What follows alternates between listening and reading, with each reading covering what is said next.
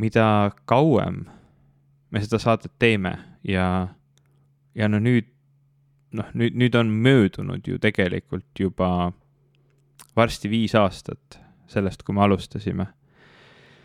seda, ma ei tea, kuidagi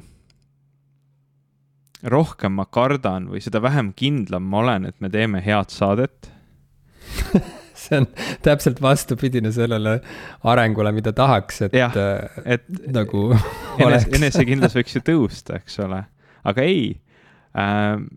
pigem on nagu selline tunne, et, et me oleme nagu ühte sedasama saadet salvestanud lihtsalt viis aastat järjest ja mitte midagi ei ole muutunud. me oleme ikka täpselt samad popkulturistid oma vanas headuses või siis kas, vot siin ongi see, et kas, kas, kas me oleme üldse head, kas me oleme kunagi head olnud, vaata nüüd hakkab kõik, kõik hakkab peas nagu kaduma, kõik läheb kahtluse alla. ma ei tea, ma, ma jalutasin ennist ähm, väljas vihmaga. võib-olla see mu tuju ära rikkuski, et, et ma jalutasin väljas, vihma sadas ja kõik oli kuidagi kõle ja pandeemiane ähm,. aga, aga jalutasime ja siis äh, mu abikaasa Eeva rääkis, et rääkis ühest kohvi, kohvi teemalisest Youtuberist, keda ta jälgib ähm,. ja, ütles, et ta kuulaks meid ka rohkem, kui me kohvist räägiksime ja siis ma ütlesin, et, et ma kardan, et sellest ei tuleks nagu midagi välja, sest me kumbki ei, ei talu väga kohvi. et siis selle saate nimi oleks äh, Jittery Jim ja Insomniac Ivo ja siis ta arvas, et see oleks väga hea saade, mida kuulata, et äkki me peaksime hoopis seda saadet tegema, ma ei tea. ma võime seda teha ma olen üsna jittery täna, sellepärast et ma nüüd jälle joon kohvi. jaanuar oli kuu, kus ma üritasin kohvi mitte juua mm -hmm. ja siis libastusin paaril, paaril korral vist, aga mitte rohkem. aga nüüd praegu on märts lõppemas, on ju, et märtsis ma olen ikka, ma ei tea, peaaegu et üle päeva vist joonud ja see on sellepärast, et et me abikaasaga enam kumbki eriti ei maga. me oleme nüüd otsustasite, et nüüd on nagu ja et me nüüd öösiti nagu oleme ka leidnud endale tegevust tänu sellele, et beebi on majas. siis äh, mul on juba nagu ma olen mingil teisel tasandil, et see ärevuse kartus, mis varem hoidis tagasi mind kohvi joomisel, on muutunud äh, tühiseks. sellest olulisem on lihtsalt püsida ärkvel mm, -hmm. nii et ma teen äh, trenni nii palju, kui ma jaksan ja joon kohvi nii et ma võin kohvist rääkida küll. kohv on üks mu lemmikteemasid, isegi mitte vaatamata sellele, et ma seda eriti palju ei joo tavaliselt, vaid lausa selle tõttu, et mul kohviga on sihuke väga konfliktne suhe. Mm.. mille sisu on see, et ma eriti seda ei joo, aga mul on tohutu tõmme kohvi poole alati, pea, peaaegu alati olnud, jah ma täitsa mõistan seda, ka mina nagu tegelikult hea meelega vaatan neid kohvi Youtube ereid ja mõtlen kõikidest nendest kohvidest, äh, mida ma võiksin juua, ähm, kui, kui ma saaksin, aga, aga ähm, ma ei tea, ma, ma ikka jah, üldse ei kannata seda, ma, ma jõin eel ähm,, üle-eelmine aasta äh, kohvi jälle, mul käib see selliste nagu tsüklitena mm. -hmm. et, et siis mingi hetk ma nagu hakkan nagu natukene joon Coca-Colat näiteks, sest Coca-Cola on maailma parim jook. Ehm, ja, ja, ja siis ma mingi hetk nagu natuke, natukene joon paar lonksu kellegi kõrvalt ja siis mingi hetk ma mõtlen, et okei okay,, et, et ma võin ju endale ka ühe lihtsalt väikse purgi osta ja siis ma mõtlen, et tegelikult ma jooks täna, täna on kohe eriti raske päev, et ma jooks kohe pool liitrit ja siis ma joon nagu iga päev pool liitrit ja siis ma hakkan kohvi jooma. ja siis mingi hetk nagu see, kõik see ärevus lööb üle mu pea nagu kokku ja siis ma pean lihtsalt nagu täiesti ära lõpetama. ja see juhtus mm -hmm. mul mhm. kusjuures vahetult enne selle nii-öelda äh, koroonaperioodi algust eelmine aasta, nii et sellest, sellest alates ma ei ole, ei ole üldse kohvi joonud ja olen tagasi kummeli tee peal, äh, mis, mis on see, mis on see nagu tsükli see teine pool, et kui seda tsüklit sa vaatad yeah. sinusoidina, et nagu kasvab, kasvab kohvi tarbimine, eks ole. ja siis mingi hetk, jah, tegelikult see ei ole isegi mitte sinusoid, see on mingi sihuke teistsugune laine, et üks hetk nagu stopp. ja siis nüüd ma, nüüd ma joon jälle kummeli teed. kas sa neid Balderjani tablette ka tarbid, mida sa mullegi soovitasid? ja, ja no see, ma just praegu, nagu te kuulete siin, mul on kummeli, kummeli tee nagu käes nii hea mm,, aga aga mul Balderani siin hetkel ei ole, kuigi, kuigi see on ka jah, selline teine variant, et kui, kui ma tunnen, et kummelideest jääb nagu väheks, et siis alati on, alati on veel lisaks nagu Balderan mm. -hmm. mul oli üks vene keele õpetaja, kes äh, võttis Balderani, sest et sest ta pidi sind õpetama ärritasime teda liigselt. Äh, jah, sest ta pidi mind õpetama. ja siis ta rääkis aeg-ajalt oma valerianka äh, tabletikestest, mis tal käekotis alati kaasas olid. aga tulles tagasi selle jutu alguse juurde, siis mina just hiljuti mõtlesin selle peale, et nüüd, kui meil juba on viis aastat peaaegu läbitud, siis äh, meil hakkab juba tekkima võimalus äh, vaadata asju nagu niimoodi laiemalt ja suuremalt, et vaadata mingeid nagu arenguid ja taandarenguid äh,. näha suuremat pilti, ühesõnaga hmm., et minu arust see on väga äge. et me oleme nagu Sest, kogenud. ma olen selles osas sinuga, jaa, et me oleme nagu kogenud ja me oleme kaardistanud või mitte, jah, no kaardistanud ikkagi alati ju seda, seda oleviku olukorda, millest me end oleme leidnud. me oleme rääkinud filmidest ja albumitest ja kõigest muust, mis on sel hetkel kuidagi relevantsed meile. Ja need ei pruugi meile olla relevantsed nüüd aastaid hiljem, aga nende osade juurde tagasi minnes ikkagi on võimalik taas, taasavastada kuidagi seda, seda, seda miskit, mis oli siis, meile oluline. et, et see ebakindluse teema, ma arvan, et see on sihuke asi, mis on lihtsalt igapäevane võitlus, et üldse uskuda nagu oma püüdlustesse ja, ja huvidesse ja, ja, ja sellesse, et see võiks kedagi teist ka huvitada, mul just eile oli sihuke päev, kus ma jälle nagu ma ei tea, lihtsalt vaatasin seina ja mõtlesin, et milleks, milleks üldse nagu milleks see kõik ja see tavaliselt see kõik, kõik need küsimused kerkivadki pühapäeviti mul isiklikult, et pühapäevad on mu kõige vähem lemmikud päevad nädalas, et tuleb sihuke nagu tohutu langus, sihuke eksistent, eksistentsialistlik sihuke kaevu kukkumine mm. -hmm.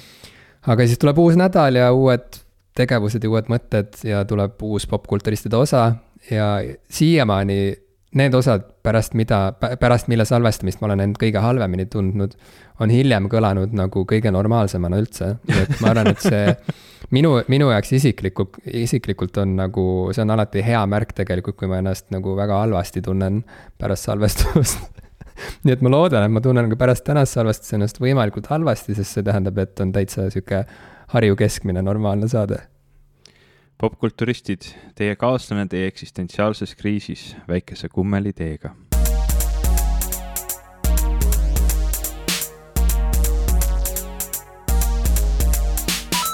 tere, minu nimi on Ivo Krustok. tere, mina olen Jim Asilevi. ja te kuulate saadet Kaevutäis kummeliteed. Kaevutäis kummeliteed, kuhu ennast eksistentsiaalses kriisis ära uputada. ma ei tea, kas kaevu uputatakse inimesi või? see kõlab kohutavalt halvasti. igapäevaselt, no see kõlab kohutavalt, aga nii tehakse. kas sa oled näinud filmi The Ring näiteks? ei ole.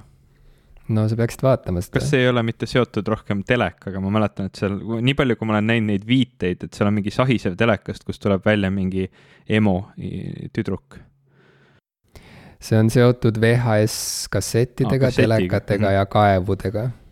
okei okay,, see, see kaevu pool on see, mida ma pole näinud äh, nendes äh, erinevates viidetes sellele, sellele teosele mm.. ma ei, ma ei vaata õudukaid, see on,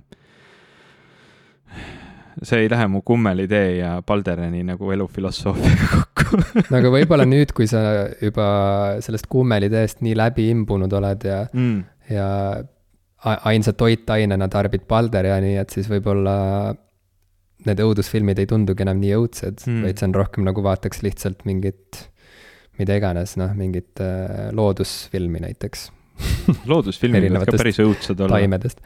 no jaa, aga neid võt-, võtad alati kuidagi teistmoodi, seal ei ole, noh, seal ei ole nagu seda šokifaktorit või no, seal ei no, ole vähemalt seda taotlust kuidagi kedagi traumeerida. sina, sina võtad, aga.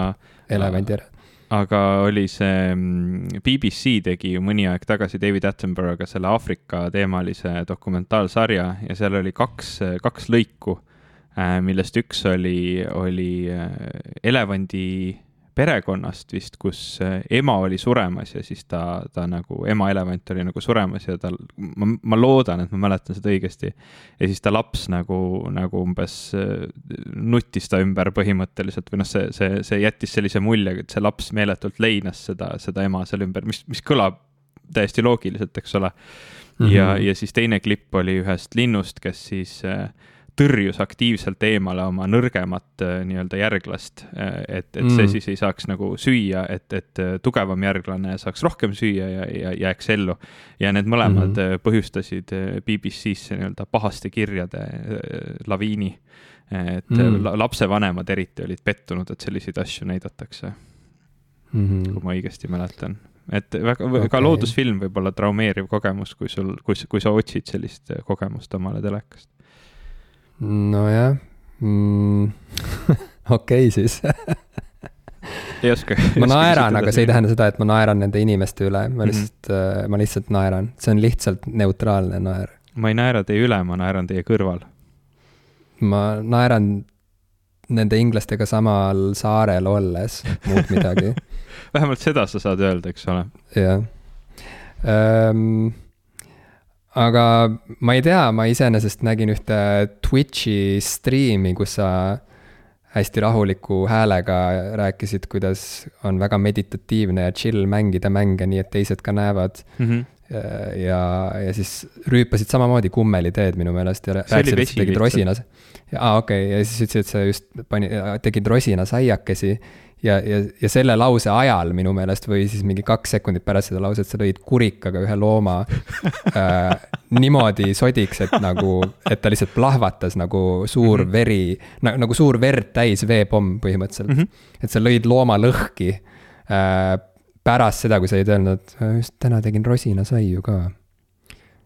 ja siis oli nätak ja see oli nii naljakas, sel hetkel ma sain aru, et äh, et see on, see on üks Twitch'i striimer, keda ma tahan jälgida.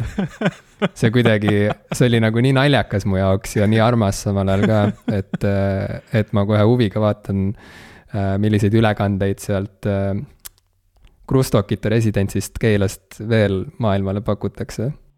ma ei, ma vist ise ei tajunud, et see, et see stream oli naljakas, tõesti, ma üritasin teha oma seda striimeri häält, ma otsustasin ära, et selles maailmas, kus äh, noh, tead, ausalt öeldes, ega ma sellest striimerite maailmast väga palju üldse ei tea. ma tean, et enamasti inimesed äh, teevad Twitch'is äh, selliseid live-ülekandeid, kus nad mängivad mänge, aga ma tean, et seal on ka üsna popp see, et mm, keegi näiteks joonistab mingit oma kunstiteost või siis äh, üks asi, mida ma olen ka varem äh, tähele pannud, et inimesed ehitavad mehaanilisi klaviatuure, et see on ka üks mingi sihuke skeene, et tellivad omale kõik mm. jupid kokku, et klaviatuur ehitada ja siis panevad neid kokku seal nii-öelda live stream'is. DJ-d teevad oma DJ sette ka Twitch'is näiteks. ja näiteks see veel. see on miski, mida tehakse um, aga noh, nii palju, kui ma neid mängustriimereid olen jälginud, siis enamasti on nad väga hüperaktiivsed ja lärmakad ja valjud noored inimesed. Ehm, ja, ja ma kuidagi nagu tajusin, et ma ei ole ükski see, nendest iseloomuomadustest, et ma ei ole hüperaktiivne ja lärmakas ja ma kindlasti ei ole ka enam noor,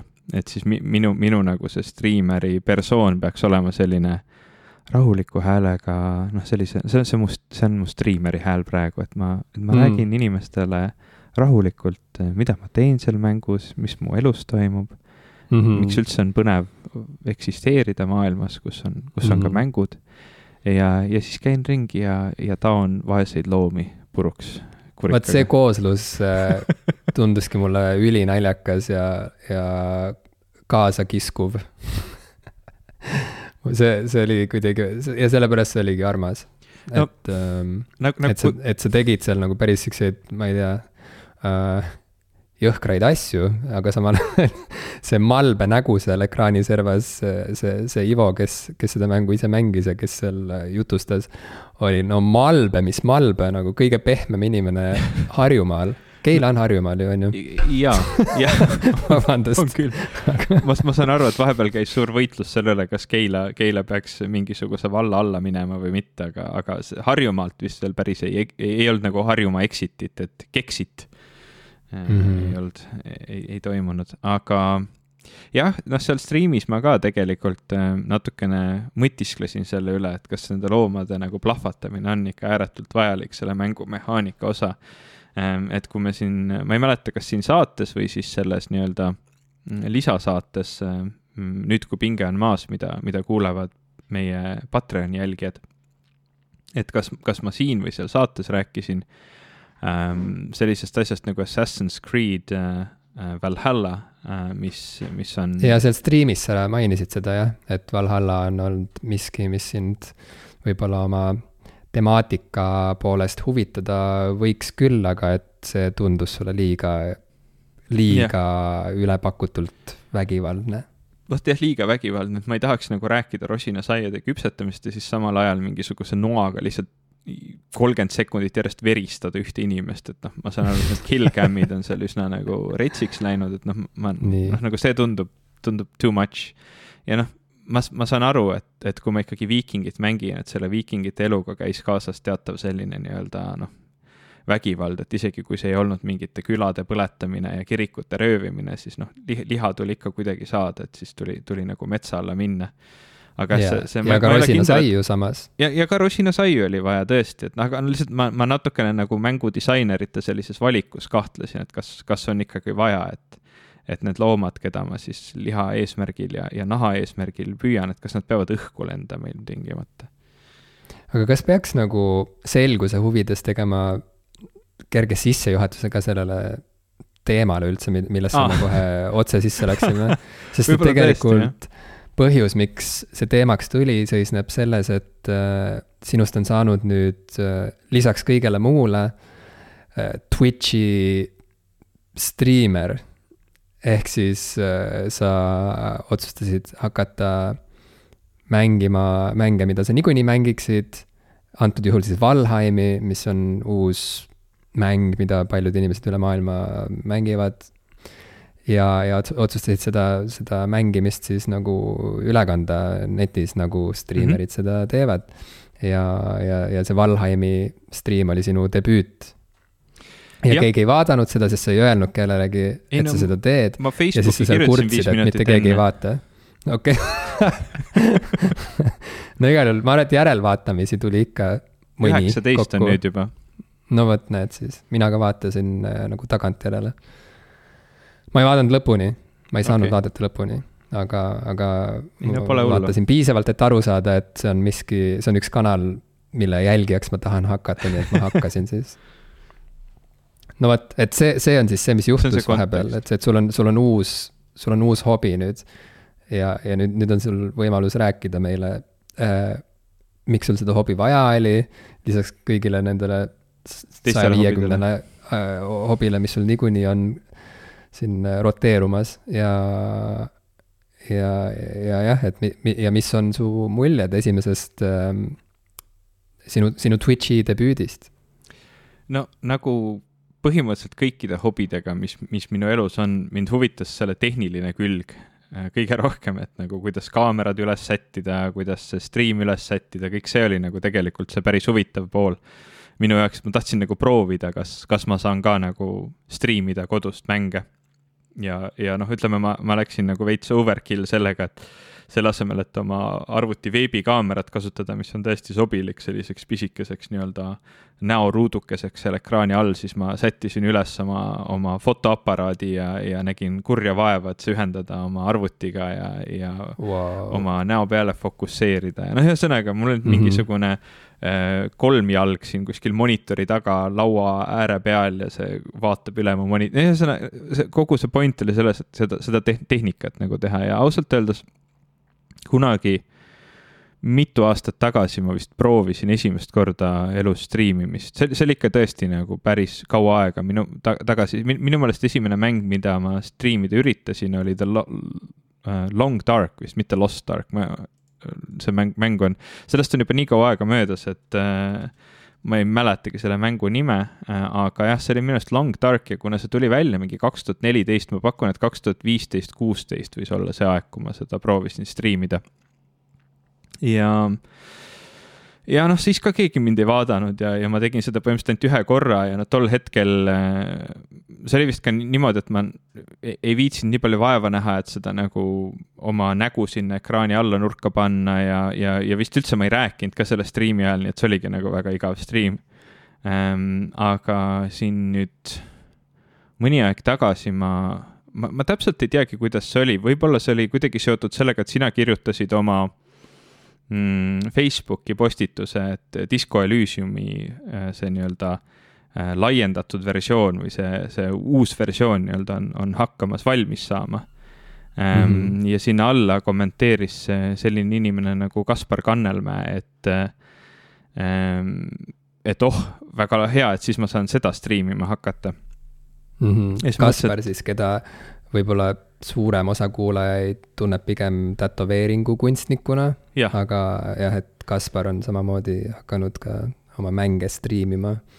mina tean Kasparit põhimõtteliselt läbi selle, et, et ta oli üks esimesi inimesi või, või ütleme, tema on e-, esimeste seas, kes jättis meile iTunesis äh, kommentaari ja viietärnilise review popkulturistidele, nii et kindlasti väga tore inimene. ja meie, meie igavene tänu. meie igavene Kasparile. tänu. Kaspar ühtlasi kujundas logo mu kirjastusele. kui ma, ma Kehade metsa välja andsin. väga äge. nii et erinevaid seoseid on siin aga... Kaspar Kannelmäega. aga ma vaatasin, et ohoo, et, et äh, mida ta striimib ja nägin, et äh, ka tema on mänginud sellist mängu nagu Valheim, mille vastu mul tol hetkel oli väga-väga suur huvi mm, ma olin selle endale ka alla laadinud, aga ma ei osanud seal veel väga midagi teha, et ma ei olnud seda nagu üldse korralikult mänginudki, ma tegin seal ära omale tegelase, kelle nimeks ma panin Rõkk Äh, sest see kõlas see on nagu..., see on, kusjuures see on tõesti väga hea nimi. on ju? see on nagu ja sa seal striimis nimi. ütlesid ka, et, et see on ilmselt üks õnnestunumaid äh, nimevalikuid su elus yeah.. ja ma pean nõustuma, ma küll ei tea kõiki teisi nimevalikuid teistes mängudes su karjääri jooksul, aga mm -hmm. Rökk tõesti on väga hea kolmetäheline nimi et ühesõnaga, ma olin nagu tegelase loonud, aga õieti ma seal mängus hakkama ei saanud, aga, aga siis ma nagu sattusingi Kaspari neid Twitch'i striime vaatama.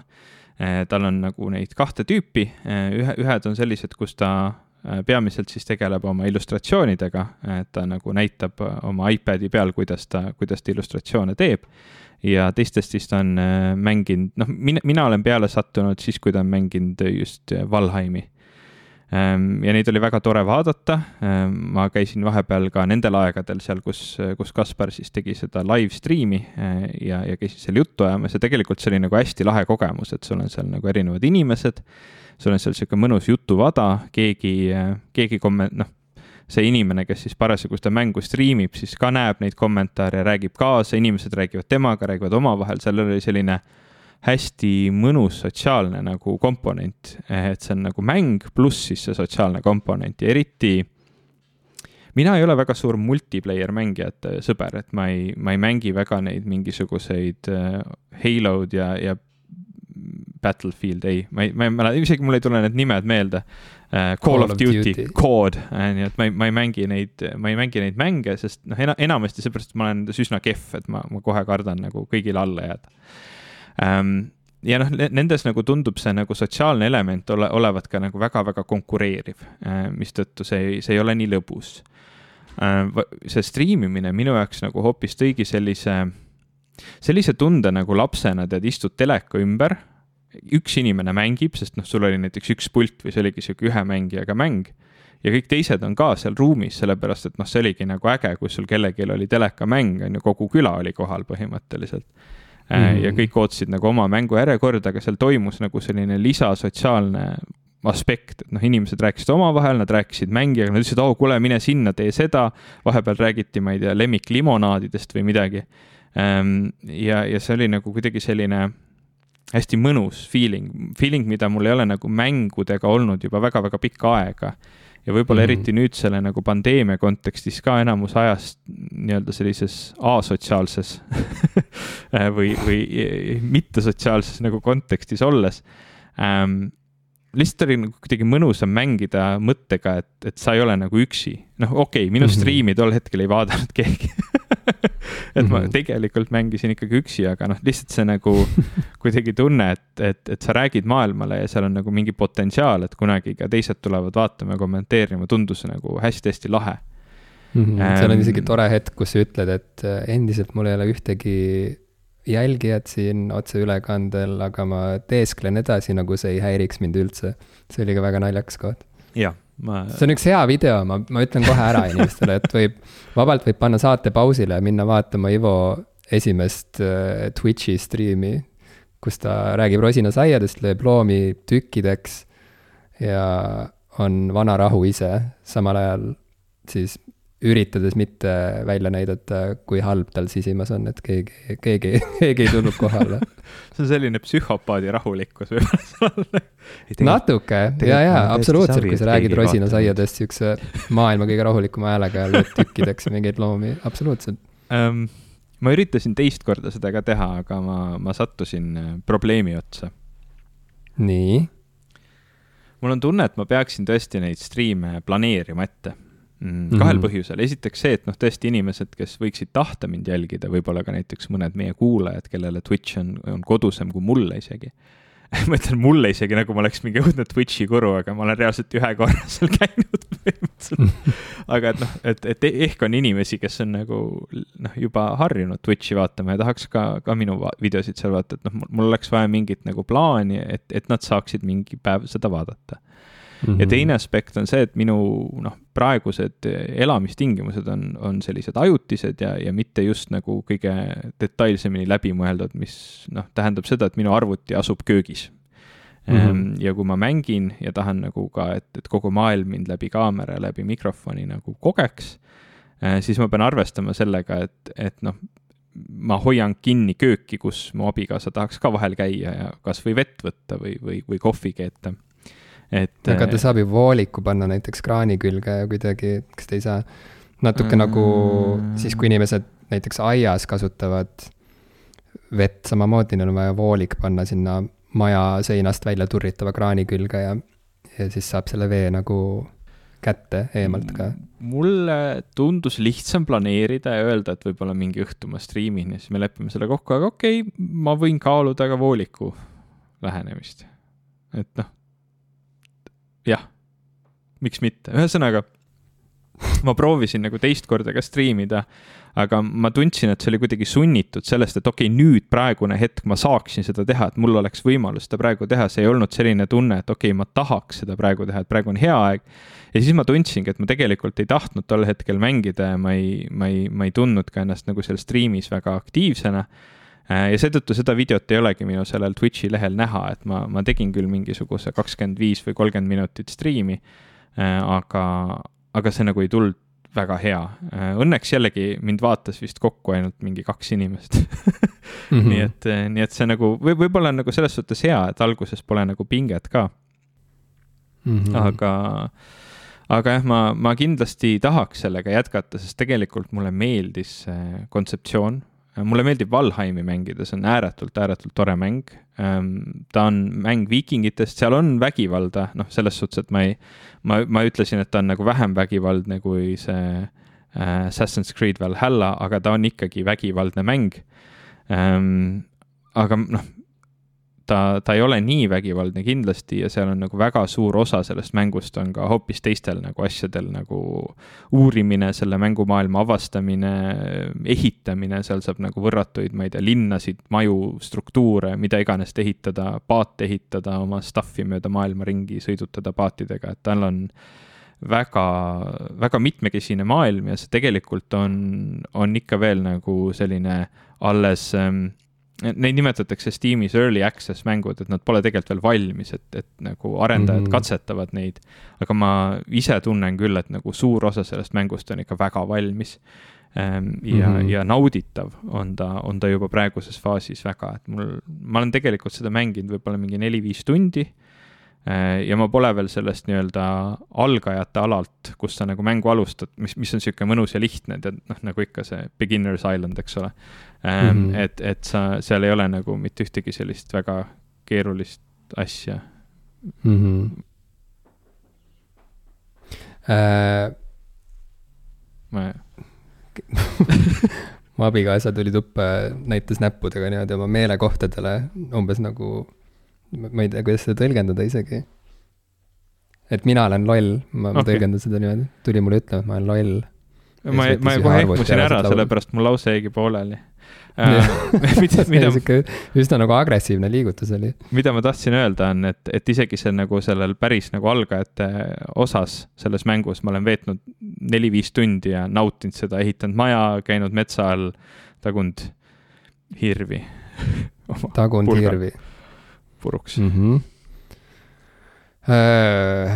no aga mul on hea meel, et see mõjub meditatiivsena sulle või vähemalt äh, hakkab mõjuma meditatiivselt siis, kui sa seda teistele ka näitad. et ähm,. rosinasaiad. ei tea, kas nagu sarimõrvarid ja, mida, ütle uuesti. rosinasaiad tulid ka väga head ma ei kahtle selles, sa oled äh,, sa, minu silmis sa oled tõeline, mitte kondiiter, vaid see pagar. tõeline, tõeline pagar, pagar., jah. aga ähm, no siin on mitu asja, millest kinni haarata alustuseks võib-olla see, et äh, juhtus sihuke täiesti kummaline asi, kui sa äh, pla-, kui sa kirjutasid Facebooki, et sa nüüd nagu üritad kõigest väest mitte osta Valheimi, aga ilmselt murdud iga hetk mm. nüüd. No mingi sihuke postitus oli. no vot, ja siis ma panin sinna nagu naljaviluks, tag isin ühte oma töökaaslast ja kirjutasin, et äkki, äkki, äkki ta oskab sulle nõu anda, on ju, mhm. et äh, paistab, et Ivo on hädas.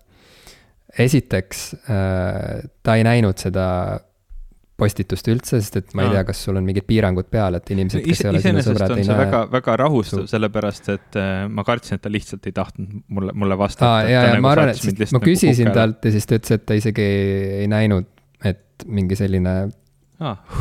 äramärkimine oleks toimunud ah,. aga teiseks, ma tundsin ennast nagu täielik idioot järgmisel päeval, kui ma uuesti mõtlesin selle hetke peale, sest et äh, ma, see, see, see töökaaslane, keda ma selle ära märkisin, on väga suur Assassin's Creed Valhalla fänn mm, -hmm. ta on, ta on üks neid väheseid inimesi, kellel on Playstation viis, sest et teatavasti oh. siiamaani eriti kellelgi ei ole Playstation viite, sest et neid lihtsalt ei, ei, ei jõutud teha nii palju, kui, kui oleks vaja olnud ja, ja tehakse siiamaani väga aeglaselt juurde neid mm -hmm.. ühesõnaga, ta on see üks inimene, kellel on Playstation viis ja kes on nautinud Valhallat siis selle peal. Ja kuna ta on nii palju rääkinud mulle Valhallast, siis ma mõtlesin, et oo, et noh, et ta on mees, kes oskaks ka sulle nõu anda, sellepärast et ma arvasin, et kui sa mainisid Valheimi, et sa räägid tegelikult Valhallast. sest need on nagu üks ja sama pealkiri põhimõtteliselt.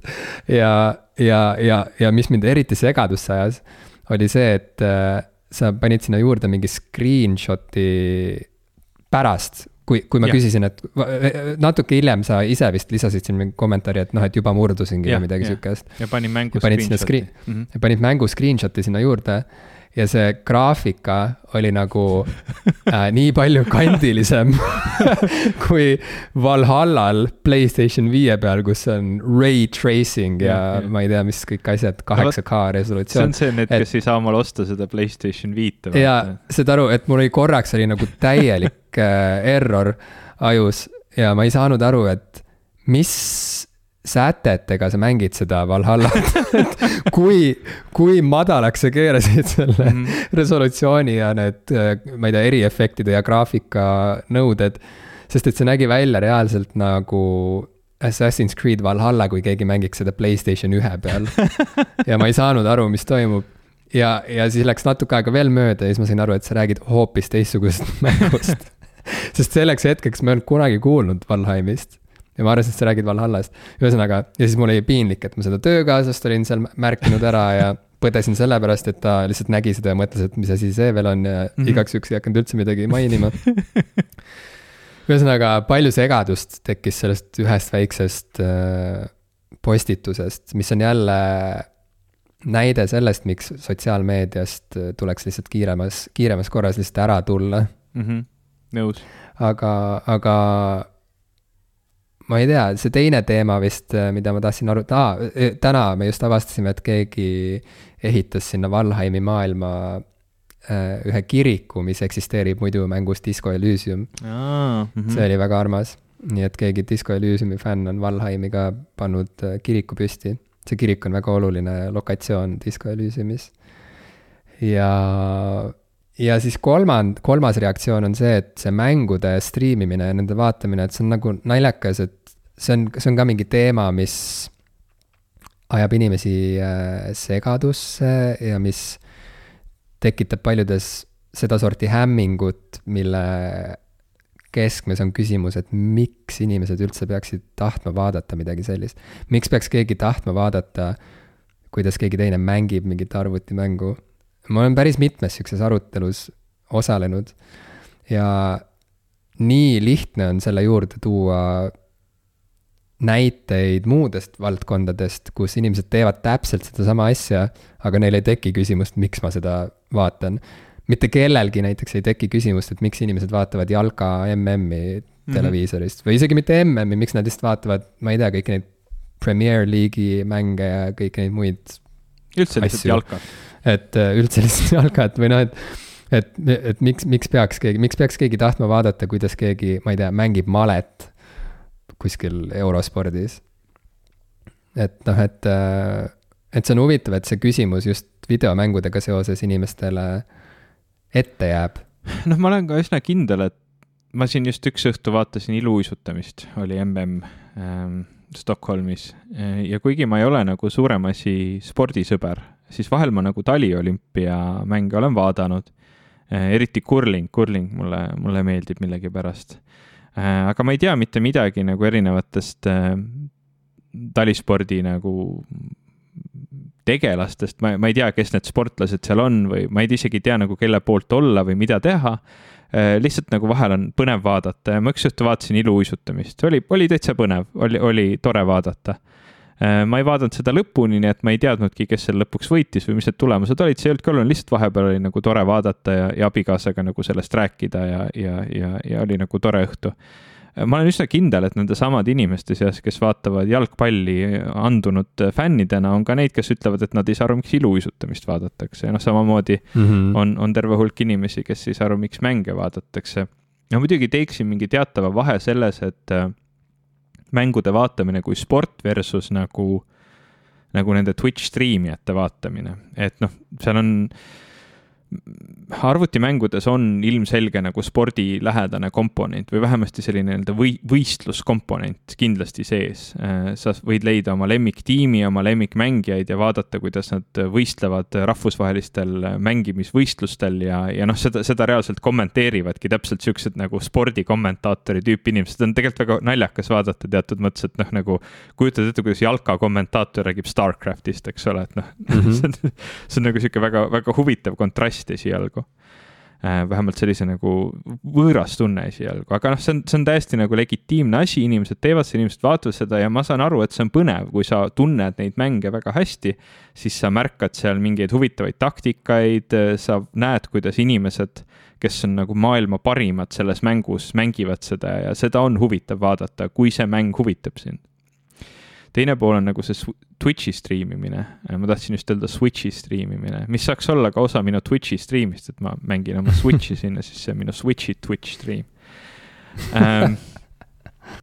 aga, aga Twitch'i striimimise puhul mul on niisugune tunne, et see on nagu rohkem selle inimesega aja veetmine, et sulle meeldib see inimene, kes neid mänge mängib, sulle võib-olla meeldivad need mängud ka või vähemalt need huvitavad sind, aga pea, peamine pool on see spetsiifiline inimene, see stiil, kuidas ta sellest mängust räägib või selles suhtluses osaleb yeah. ja, ja sa käid ja chat'id seal, see on nagu teatud mõttes nagu jututoas olemine. Äh, ja, ja noh, teid ühendab see üks inimene, kes teile kõigile meeldib seal jututoas ja, ja te räägite erinevatest teemadest ja noh, ma ei tea, ta on nagu sihuke sotsiaalne kogemus ja noh, sport lõpptulemusena on täpselt samamoodi ju sotsiaalne kogemus, nii spordi mängimine kui spordi vaatamine kui spordist rääkimine, noh nagu ühiskonnas laiemalt, et need, need kõik on kuidagi nagu inimesi ühendavad või siukseid nagu ühtsete huvidega inimesi kokku toovad asjad. Ehm, nii et noh, minu jaoks ei ole nagu kunagi segane olnud, miks inimesed seda tahavad teha ehm, aga noh, mul, mul on nagu ise pigem see, et ma ei ole varem sellest üldse nagu eriti, see, see ei ole mul nagu varem klikkinud Ehm, et noh, tavaliselt, kui ma olen Twitch'i läinud ja ma tõesti olen aastaid juba üritanud nagu pihta saada sellele Twitch'i fenomenile ja aru saada, et, et mis minu koht seal võiks olla ähm,.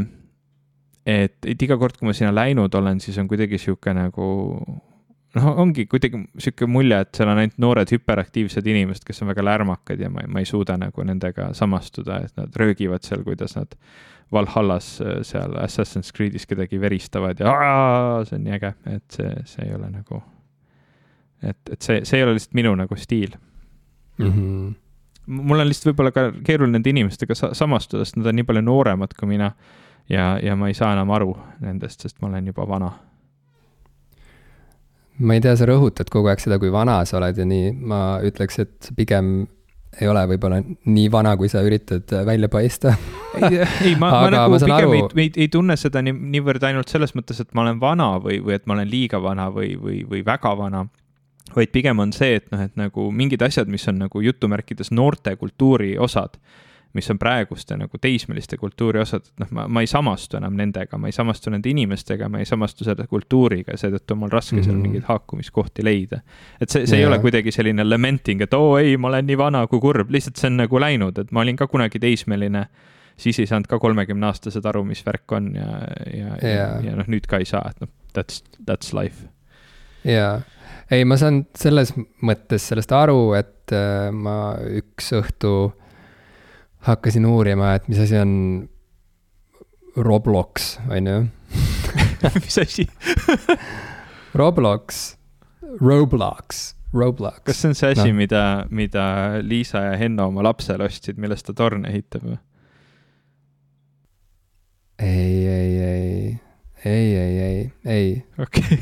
ma, või ma ei, ma ei, ma ei, Robloxit ei pea ostma ah ma ei, ma ei tea täpselt, mida oota, ma korra, ma Liisa ja Henno. ma kontrollin, mis asi see on, aa ah,, Connectic, Connectic Styles.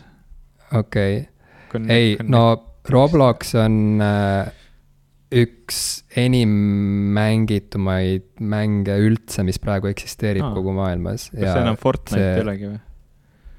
Äh, no see on koos Fortnite'iga on äh, seal täiesti nagu selles okay. maailma tipus, et see on mm, -hmm. sellest on saanud mingi, mingit sorti sihuke fenomen, nagu on olnud ka Minecraft ja. Minecraft on siiamaani, on ju. Mhm. ja, ja ma lugesin artikleid selle kohta kõigepealt, kuidas need mängutegijad noh, on, on väga palju raha teeninud nüüd nagu tänu sellele, et see mäng on nii meeletult populaarseks saanud ja nii edasi.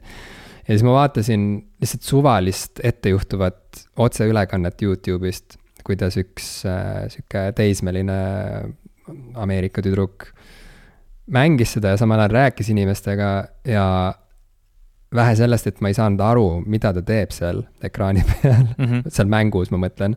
sest see kõik nägi välja sihuke, see nägi välja nagu mingi mäng, mis on katki läinud, see nägi välja nagu Minecraft, kus midagi on nagu rikkis ja kõik tekstuurid ja kõik pinnad ei renderdu millegipärast mm -hmm. ja lihtsalt mingid kandilised tegelased jooksid sellistest pooleldi renderdatud tubadest sisse-välja ja trepist üles-alla. ja siis samal ajal inimesed saatsid raha sellele tüdrukule, keegi rääkis ka, et mm -hmm. ma saatsin oma taskuraha sulle ja siis ta oli nagu, et aa, nii nunnu, oo kuule, miks sa oma taskuraha mulle saatsid, et on sul ikka kõik hästi ja. ja mingid siuksed random naljad olid seal vahepeal, millest ma ei saanud üldse aru ja siis tekkis küll see tunne, et okei okay,, see on mingi subkultuur ja mingi teema mm, -hmm. millesse ma lihtsalt praegu ma ei jaksa nagu hakata süvenema isegi, sest ma ei tea isegi, mida, ma ei, ma ei tea, kust otsast ma pean hakkama guugeldama, et aru saada, mis siin üldse toimub, on ju. aga teisest küljest äh, ma ütleks küll, et kogu see mängu striimimise kultuur on selles mõttes osa meie põlvkonnast ka ju hästi selgelt, sest ja, et see ja. kerkis esile just nimelt sel ajal, kui meie noh, kasvasime suureks ja hakkasime aina rohkem kasutama arvuteid ja veebikaameraid ja ma ei tea, otseülekande tegemise tehnoloogiat. esimene striimer, kellest ma üldse kuulsin, oli PewDiePie, kes noh mm, -hmm. ongi kõige kuulsam Youtuber võib-olla üldse, vähemalt selles valdkonnas, mängude ülekandmise, mängude otseülekannete tegemise valdkonnas. ja ma kuulsin temast just nimelt tänu teismelistele, sest et ma mhm. tegin mm -hmm. umbes seitse aastat tagasi tegin lavastust äh, kolmeteistaastaste elust.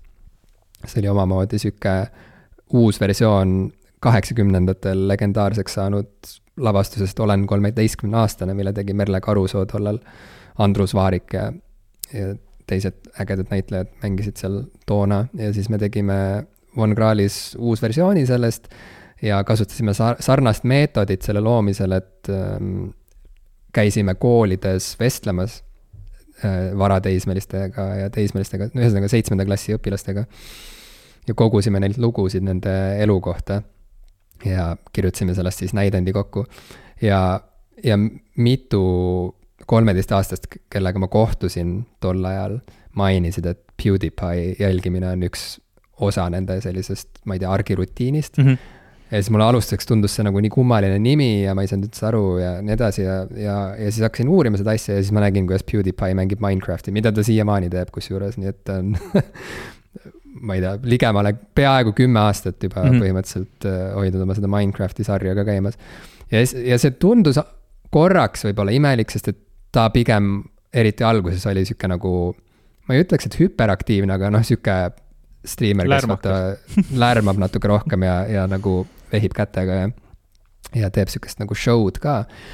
aga põhimõtteliselt äh, noh, ta on ka ikkagi meie põlvkonna mm -hmm. kaaslane ja, ja nüüd ka jälgides, mis toimub Disco Elysiumiga veebimaailmas, striimimismaailmas, on olnud väga lahe näha, et äh, on väga erinevaid striimereid äh, ja mõned neist on meist nooremad, mõned neist on meist vanemad, aga et see on selles mõttes nii suur ja lai maailm, et seal tõesti on võimalik nagu eri põlvkondade esindajatel leida nagu oma kogukond üles ja, ja see on väga lahe. ja loomulikult. Ja tegelikult see ongi nagu selle oma, oma inimeste ülesleidmiseks, ülesleidmise teema.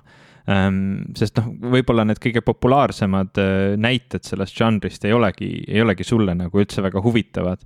Aga, aga noh, nagu me siin alguseski juba rääkisime, et seal on nii DJ-si, kes oma sette, eks ole, mängivad kunstnikke, kes oma illustratsioone teevad äh, mehaanilise klaviatuuri fänne, kes neid seal kokku ehitavad, et noh, tegelikult see on küllaltki lai kamp ja, ja vanuseid on, on tõesti ka väga palju erinevaid. Ja noh, sul on ka õigus selles osas, et tegelikult pigem nagu need esimesed suured tegijad olid ikkagi meie põlvkonna inimesed, sest noh, noort, noortele ka ikkagi nad ei taha tihti mitte näha enda vanuseid midagi tegemas, vaid tahavad näha, mida just vanemad inimesed teevad, et nagu seda emuleerida, lihtsalt nüüd on nagu aeg nii palju edasi läinud, et ma saan aru, et seal nende enda kogukonnad on juba väga, väga nagu Äh, suurelt levinud ja, ja lihtsalt noh, nagu sa ka ütlesid, et, et on, on mingi teatav hulk inimesi, äh, kes on seal väga suured staarid, kes on tegelikult meist nii mitu juba põlvkonda noh, nooremad, et, et me, me ei samastu enam nende kultuuriga ja, ja, ja ei mõista seda, aga neid, neid noh, siis ei peagi nagu jälgima.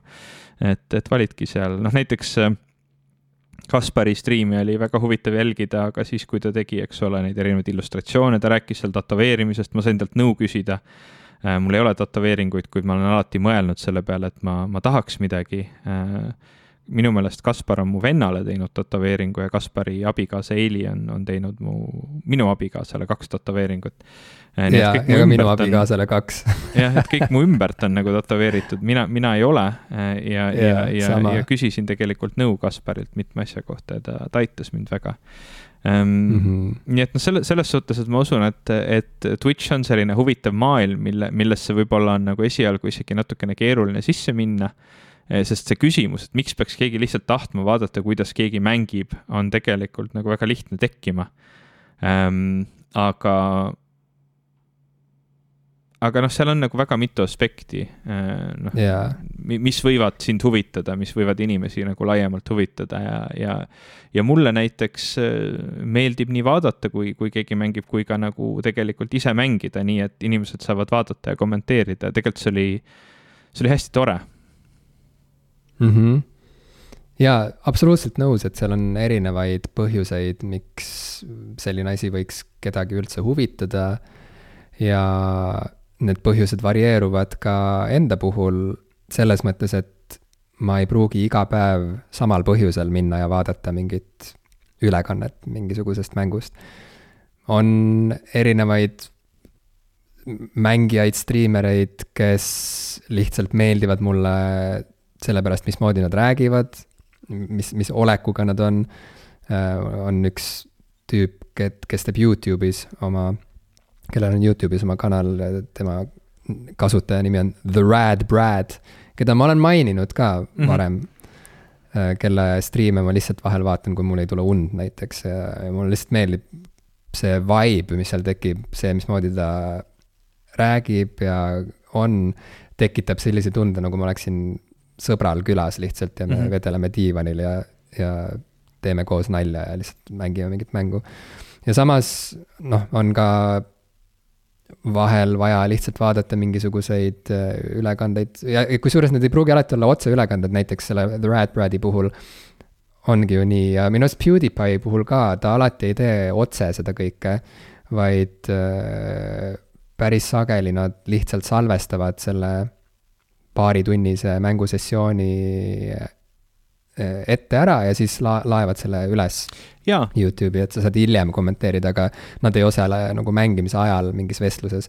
aga samas on ka palju neid, kes mängimise ajal vestlevad oma jälgijatega, eks ole, ja siis jälgijad saadavad neile tervitusi ja raha ja, ja, ja kõike muud head, võib-olla ähvardusi, solvanguid aga siia on lisandunud näiteks mul isiklikult ka mingi sihuke kolmas aspekt, äh, mille, mida ma varem lihtsalt ei saanudki kogeda, aga mida ma nüüd saan ja mis on üliäge, mis on siis see, et kui sa oled ise mängu tegija, siis mis tunne on jälgida oma teost äh, mingist sellisest kanalist, kus keegi seda siis otse mängib ja samal ajal vestleb inimestega ja jagab oma muljeid. see on nii lahe see on lihtsalt nii lahe. Ja, ja see on miski, mida ma sain kohe aru, mida ma ei ole saanud kunagi kogeda kirjanikuna või näiteks teatritegijana. teatris jah, sa oled ka nagu otse, teed otseülekannet, on ju, inimestele ilma, ilma igasuguse sihukese vahendava tehnoloogiata, et sa oledki teiste inimeste silme ees ja, ja, ja, ja teed, teed seda, mis sa teed selles samas hetkes ja, ja, ja paigas, kus viibivad ka kõik vaatajad aga no see ei ole päris sama, mis sihuke Twitch'i ülekanne, kus sa saad in, in, in, ilmselt oleks väga tüütu ka, kui keegi kommenteeriks samal ajal su näidendit, kui sa laval oled, eks ole, et nagu üritaks. ma arvan, et siukseid katseid on tehtud siis, kui kui inimesed hakkasid rohkem kasutama nutiseadmeid ja, ja äpid muutusid selliseks igapäevaseks asjaks meie elus, siis hakati tegema igasuguseid katseid ja on, ma olen osalenud erinevates olen vaadanud etendusi ja, ja osalenud lavastustes, kus on selline interaktiivne element ka olemas, et mm. mingil hetkel publik peab võtma telefonid välja ja hääletama ja ma ei tea, panema likee ja nii edasi. aga jaa, ei noh, ma ütlen, et äh, lihtsalt see, see luksus kuidagi teha lahti Twitch või mingi Youtube'i kanal ja hakata vaatama, kuidas keegi parasjagu mängib midagi, millesse sina oled kaasautorina panustanud on lihtsalt nii äh, kuidagi, see on natuke nagu mingi unistuse täitumine, kus vaata mm, tavaliselt sa ei saa nagu kärbsena seinal jälgida, kuidas inimesed reageerivad sinu teostele.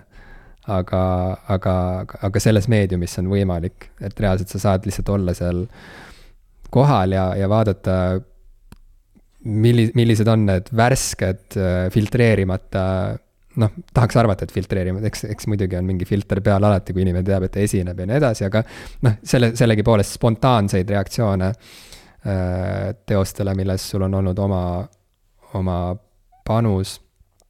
ja ma just vaatasin ka sellist väga lahedat dokumentaalfilmide sarja äh,, mille autoriks on selline grupeering nagu Noclip ja nemad keskenduvad just nimelt äh, videomängutööstuses toimuvale, nad tavaliselt teevad selliseid videopäevikuid või selliseid päevikulaadseid dokumentaalsarju siis erinevate mängude arendusprotsessidest ja, ja, ja sellest, mis elu need mänguarendajad elavad selle antud mängu tegemise ajal ja nii edasi mm -hmm. ja ma mhm. just lõpetasin äh, sellise mängu nagu Hadese sarja vaatamise, et, et see oli sihuke vist viie või kuueosaline selline äh, doksari siis sellest, kuidas, kuidas see mäng noh, kuid-, kuidas seda tehti ja, ja mis siis lõpuks sai.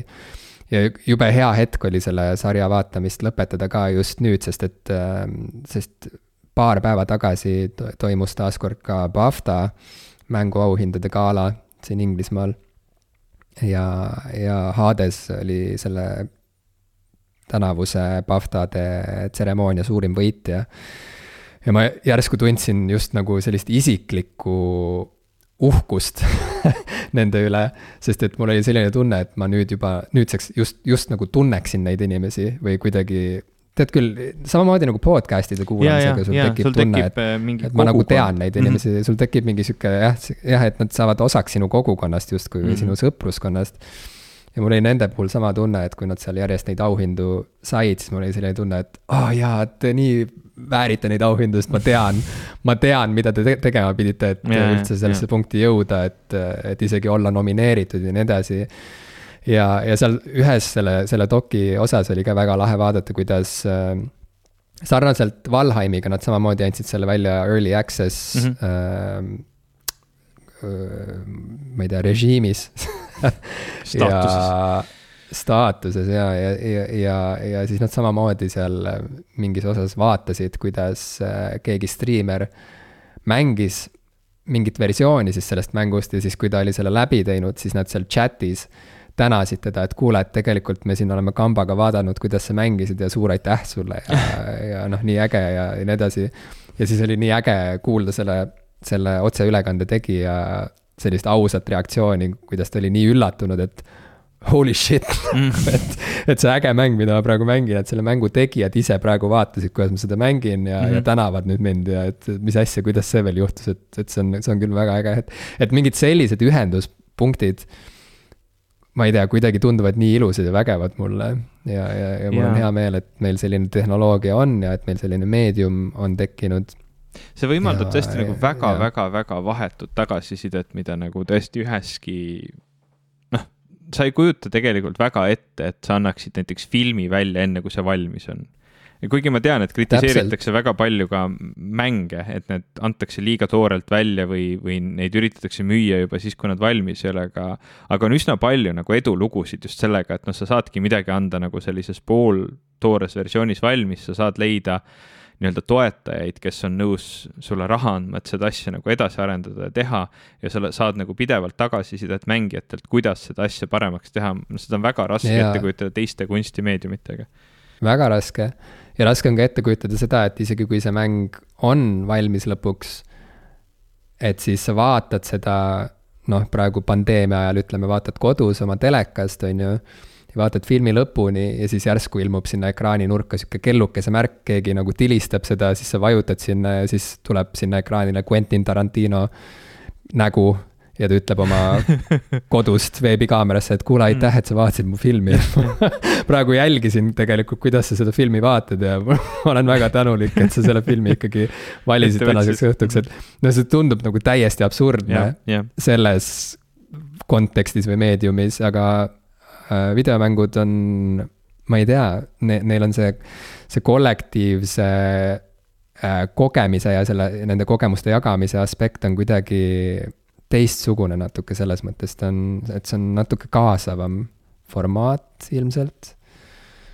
et jaa mul, mul on täiesti üks irrelevantne kommentaar siia juurde, kui sa lubad mm,. Äh, palun. kui ma mõtlen selle peale, et, et kuidas nagu need et noh si, vot siit ongi nüüd väga huvitav nagu mõelda, et millised saavad need meie põlvkonna ühendavad lood olema. Äh, just, just selles osas, et noh, nagu mida me kogesime koos sellisel viisil, et see meid kõiki nagu mõjutas, sellepärast et ma, ma vaatasin üks õhtu, ma otsisin Youtube'ist äh, ansambli Kino videosid. kas sa tead vene, vene ansamblit Kino? absoluutselt, ja, ja ähm, loomulikult Nendel on üks sihuke väga kuulus hitt nimega Gruppa Groovi, mis on äh, sihuke sõjavastane laul, Veregrupp. või sõja osas siis kriitiline laul. Ja, ja ma sattusin selle otsa, kuidas Metallica oma kontserdil mängis siis Moskvas Gruppa Groovit. see on umbes sarnane mängimine oli muidugi nagu siis, kui Metallica käis Eestis, nad mängisid insener Kaarini hüperboloidi niimoodi valesti ja, ja, ja, ja niimoodi suvaliselt aga noh, muidugi kõigile meeldib ja noh, see oligi siis see bassimängija, kitarrist kahekesi, eks ole, teevad siukest väikest tininat seal vahel on ju, mäng, mängivad mm -hmm. igas riigis ühte, ühte laulu. noh, vähemalt üritavad mängida, vahel see tuleb neil paremini välja, vahel nagu kehvemini. aga, aga Moskvas nad mängisid Gruppa Grovit ja see reaktsioon publikust oli lihtsalt meeletult võimas. vot see ongi nagu see koht, kus, kus tegelikult seda nii-öelda tervet põlvkonda, nagu terve riigi tervet põlvkonda nagu ühendav asi, see üks laul. Sa, sa nagu näed seda, sa näed seda võimsust mitte siis, kui nagu see bänd ise seda laval laulab, vaid kui mingi teine bänd toob selle nagu korra oma setti sisse ja järsku nagu kogu see staadion lööb nagu lõkkele, et oh mm, -hmm. et see on see meie lugu ja, ja nad kõik karjuvad ja röögivad seda kaasa. Ehm, ja see on nagu selles suhtes väga huvitav kontrast, et Metallical loomulikult on endal ka, eks ole, siukseid lugusid, mida kõik ootavad. ja, ja igal bändil on, noh, kui nad on suur bänd, neil on omad fännid, nagu alati on see. aga see on nii naljakas, et kui nagu mingi bänd hakkab kellegi teise väga kuulsat lugu mängima, siis see kuidagi eriti nagu klikib et noh, kui mm, -hmm. kui mhm. keegi tuleb lavale ja hakkab nagu lihtsalt pulli pärast nagu Wonderwalli mängima, eks ole, et al alati nagu kõik laulavad kaasa seda mm -hmm. või Smoke on the water'it või mida iganes. Et lihtsalt nagu vaadata seda, kuidas Metallica Moskvas mängis ähm, Gruppa Grovit ja kuidas inimesed sellele reageerisid, oli kuidagi nii võimas tunne, et sa näed, et see, see üks laul, see kultuuriline nagu pakike ühendas tervet seda põlvkonda, oli nii tähtis mm, -hmm. et nagu ma ei tea, üle kogu Nõukogude Liidu inimesed teadsid ja, ja oskasid kaasa laulda. et seda on nagu lihtsalt mul nagu sellega tekkis see seos ja tekkis kuidagi mõte, et huvitav, et, et, et ma ei tea, meie, on täiesti võimalik, et meie põlvkonnas juba täna võib-olla me suudame isegi leida, mis olid meie nooruspõlves näiteks siuksed mängud, mis, mis kõiki meid ühendasid, ma ei tea, Super Mario mängimine või või, või, või, või mida iganes, et, et noh, nagu va vaadata tulevikku kolmkümmend, nelikümmend aastat, et millele me nagu tagasi mõtleme, mis olid need kultuurilised sündmused meie kõigi jaoks ja ma olen üsna kindel, et sealt seest leiab nagu mänge. ja, ja, ja kõike muud ka ja ma arvan, et me võib-olla oleme selles mõttes viimane põlvkond, kellel on mingitki võimalust leida neid ühenduspunkte, sest et äh, see killustumine sai täishoo sisse kohe pärast seda, kui meil teismeiga lõppes siis, siis järsku hakati killustama. noh, aga ei, kas, kas, kas sa ei arva, et siis näiteks. killustumine sai, siis see killustumine sai täishoo sisse, see, see algas juba siis, kui me olime, kui meie olime teismelised, aga. Sest et see oligi see sihuke nagu kiire internetisuhtluse alguspunkt. aga kas sa ei arva, et, et, et kahekümne, kolmekümne aasta pärast inimesed, kes on, on praegu nagu teismelised, mõtlevad tagasi Minecraftile. et oh, see oli, see oli nagu meid kõiki ühendav asi, et umbes kui kuskil Minecrafti mainitakse, nad kõik tunnevad kuskil so südamesopis sihukest soojust. ma ei tea, kas nad kõik soojust tunnevad, ma ei oska öelda, sest mul on sihuke tunne, et see võib olla vabalt sihuke mingisugune selles mõttes niši asi, et, äh, et et, see ei pruugi ühendada tervet põlvkonda, aga mingisuguse siukse ajastu märgina kindlasti see jääb paljudele meelde. olenemata sellest, kas nad seda mängisid mm -hmm. ise või, või mitte, aga jah, ma ei tea, kui soe see, aga samas jaa, need, kes mängisid, neil kindlasti see on ülioluline osa nende teekonnast või, või ma ei tea, üleskasvamisest kindla peale. kas või vaadates, kui palju mu õepoeg, kes saab kolmteist, äh, kui palju tema on oma elu jooksul mänginud Minecrafti sellest ajast peale, kui ta oli väike poiss. erinevatel seadmetel, kusjuures ka tahvelarvutis ja ma ei tea, konsoolidel ja noh, et see mm see on kuidagi käinud kaasas tema arenguga samamoodi nagu meil olid legod igal pool, et ükskõik kuhu sa ka ei läinud, siis varem või hiljem ikkagi oli kuskil ka mingi Lego komplekt. mille juurde sind saadeti või, või sa astusid sinna peale, jah. nii et jaa, aga ma, ma, mul on sihuke terav kahtlus jaa, et, et, et meist järgmised põlvkonnad on oluliselt killustunuma mm. sellise ühisminevikuga. jah, see on täiesti võimalik. komplektiga kui sul kogu, kogu Nõukogu Liidu no, peale ongi üks suur rokkstaar, eks ole, Viktor Tsoi ja kõik teda tunnevad, siis ilmselt see ühendabki kogu põlvkonda, aga aga ja, kui sul iga, igal väikesel klikil on oma superstaar, siis noh. jaa, et meil ei ole isegi ühiseid suuri lugusid enam, sest et äh, see, mis sinu meelest on suur lugu, sõltub sellest, milliseid meediakanaleid sina jälgid või milliseid sotsiaalmeediakanaleid. opa ja... Gangnam Style okei, Gang-, Opa Gangnam Style ja Covid üheksateist on võib-olla ainsad. no see ühendab ainsad kindlasti siduvad kõiki. lood veel ja, aga noh, ühesõnaga. jaa, mul rohkem ei ole midagi öelda selle teema kohta mul ka mitte mul on üks teine teema mõttes. üks asi, mis noortele on väga meeldinud juba mõnda aega, aga millest ma vaatasin natuke isegi tahtlikult mööda, oli Billie Eilish'i fenomen. ja ma teadsin temast ainult nii palju, et Bad Guy oli raadios üsna selline sagedane pala mm -hmm. erinevates playlist ides. ja kui see lugu kuulsaks sai, siis mul oli veel palju, palju sõitmist kahe linna vahet, Haapsalu ja Tallinna vahet, nii et autoraadio mängis sagedasti. ja mu tütrele, kes siis oli, ma ei tea, mingi nelja-aastane või midagi sellist.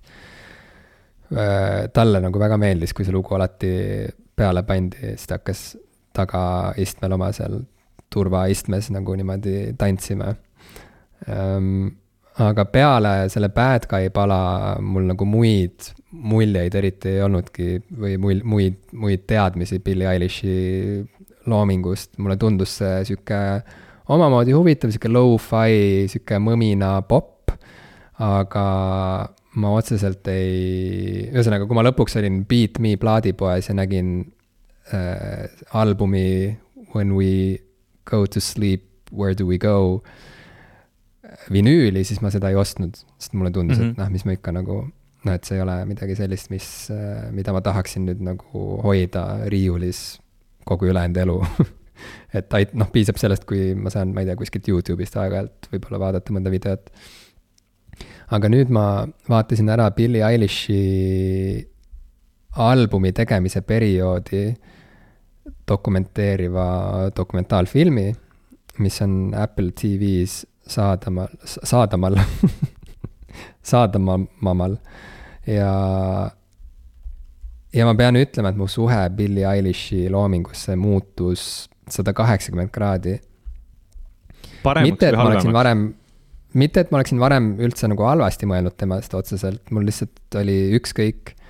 aga selles mõttes sada kaheksakümmend kraadi, et kui varem ei huvitanud eriti, siis nüüd huvitab väga ja ma ütlen, et see on üle pika aja üks selliseid dokumentaalfilme, mis on kuidagi jäänud mind saatma ja, ja, ja kuhu ma olen isegi, mille juurde ma olen isegi tagasi läinud korduvalt, et vaadata seal paari kohta üle ja nii edasi mm. -hmm. näiteks seal on üks äh, lõik sellest, kuidas ta vist New Yorgis esinedes laulab oma laulu I love you ja kuidas ta siis seal laval ühe,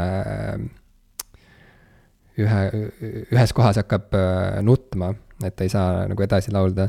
et see on kuidagi nii liigutav nüüd, kui ma saan aru, mis ta elus toimus ja, ja, ja kuidagi üldse olen saanud nagu ülevaate, et kuidas see album sündis ja milline sünergia tal on oma vennaga ja oma vanematega ja nii edasi.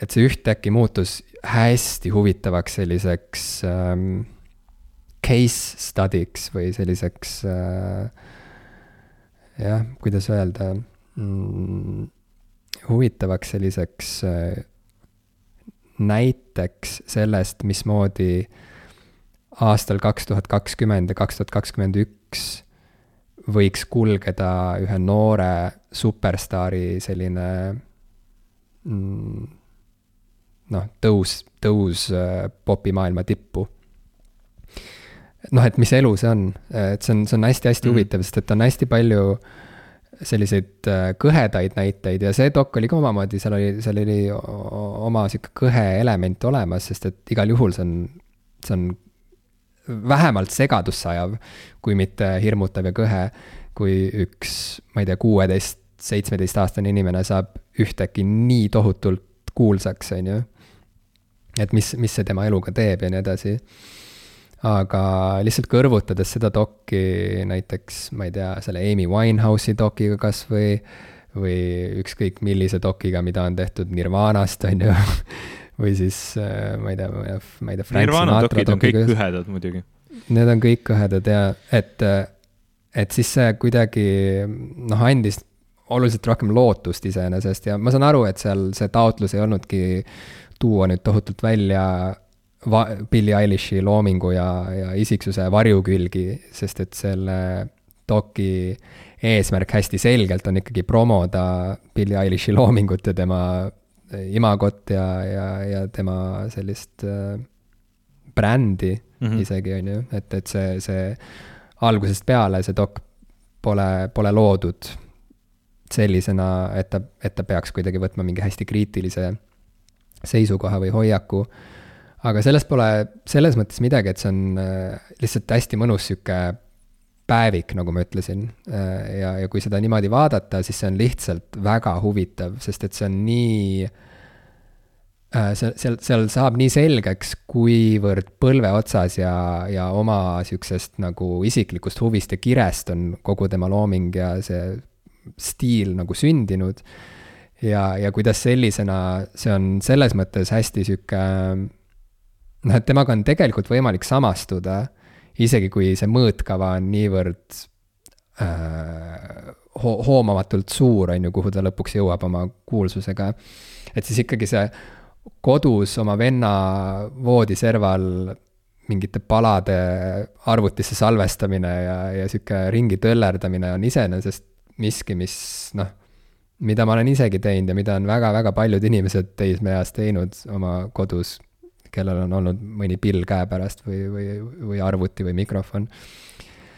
ja, ja ma pean ütlema, et jaa, et temast on ühtäkki saanud üks sümpaatsemaid siukseid mainstream artiste mu jaoks üldse ja ma olen järsku avastanud, et äh, lisaks sellele, et ta on sihuke, ma ei tea, pop-ikoon nüüd on, on seal hästi tugev selline anne ikkagi ka kogu selle asja keskmes, hästi eriline musikaalsus.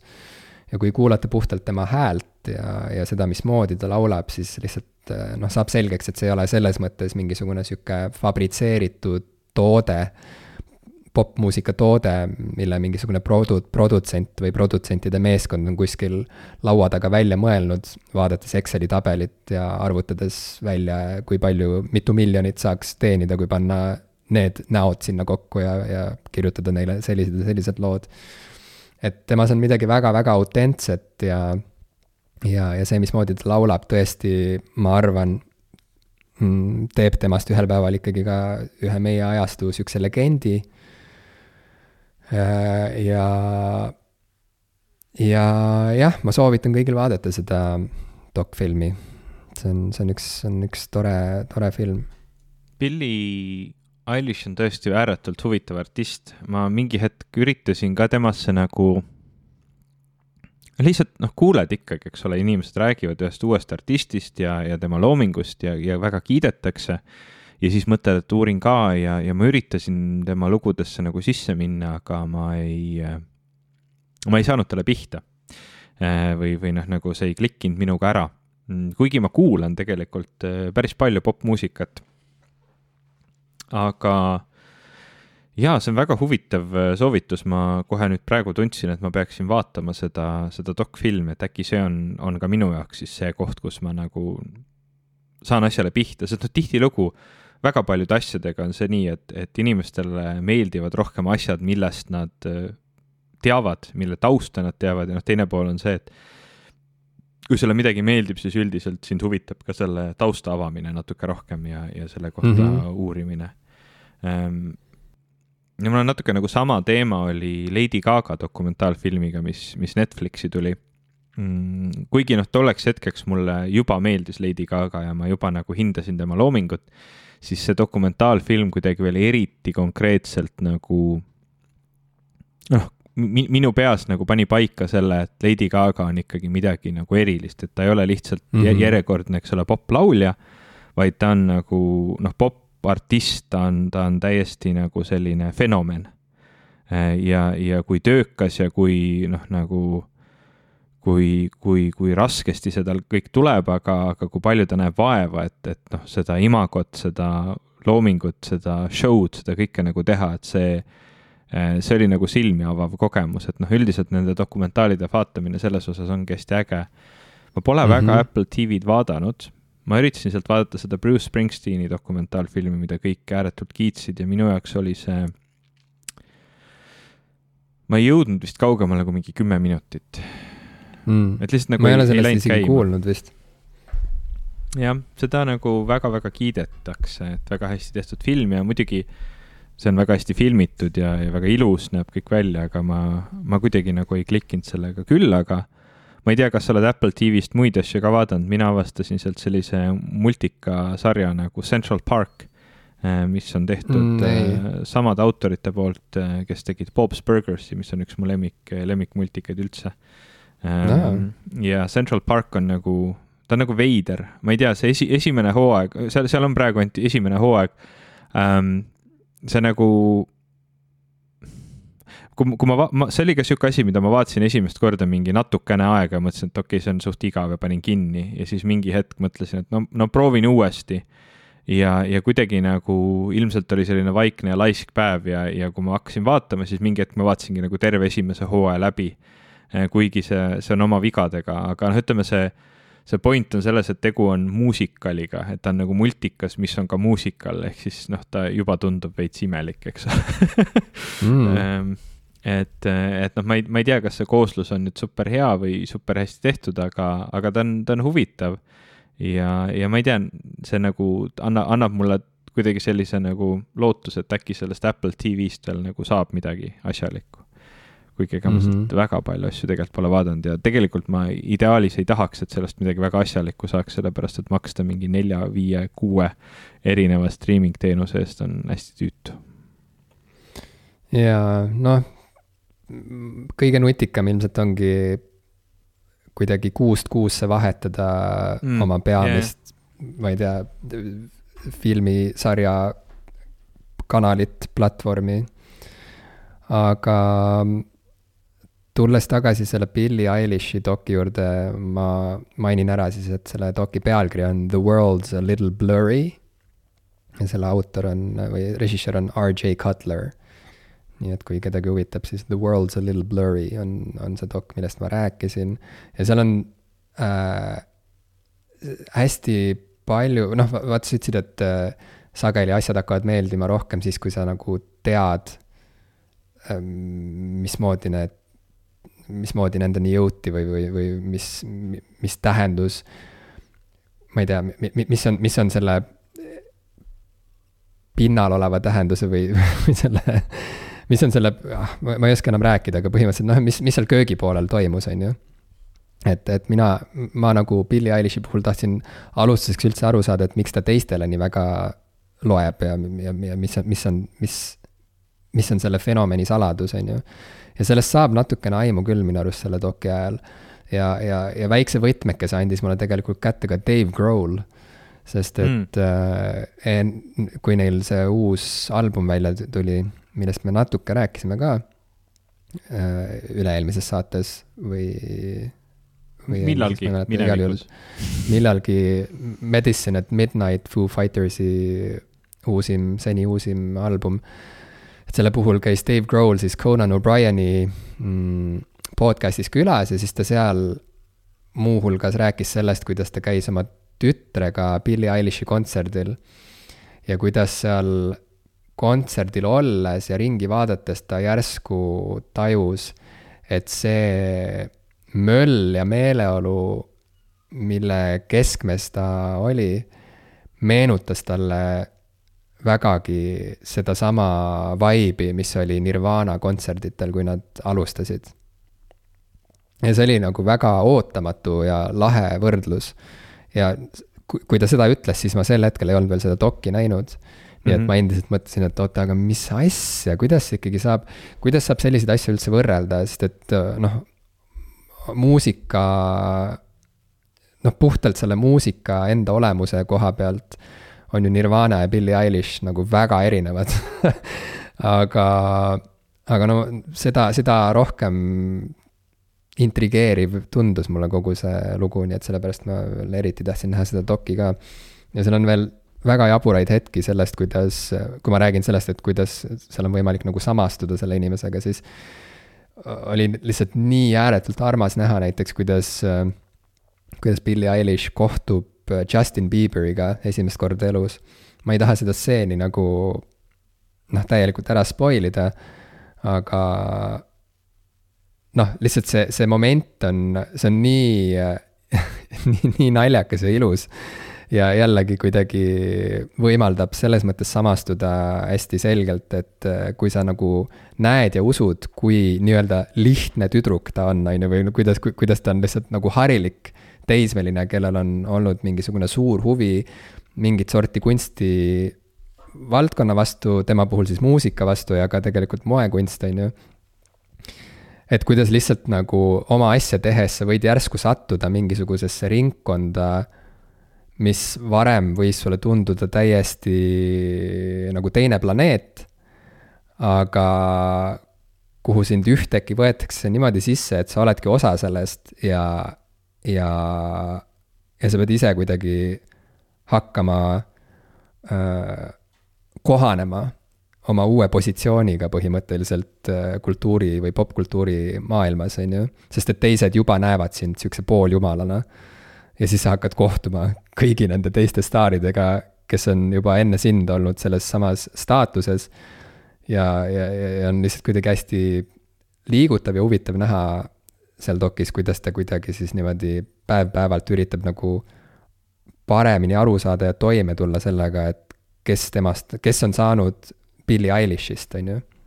või kelle, kellena inimesed teda, teda näevad ja, ja näiteks seal on tore moment, kus ta kohtub Orlando Bloomiga, Orlando Bloom tuleb ja kallistab teda ja ma ei tea, teeb talle umbes musi nagu laupäeval ja ütleb nagu, et oo, mingi, et ma olen kuulanud su muusikat mägi, mägi ronimisega tegelemise ajal ja nii edasi, on ju, et ma mingi, mul on sihuke tunne, et ma nagu olen su musa kuulanud lihtsalt nagu ribadeks, on ju.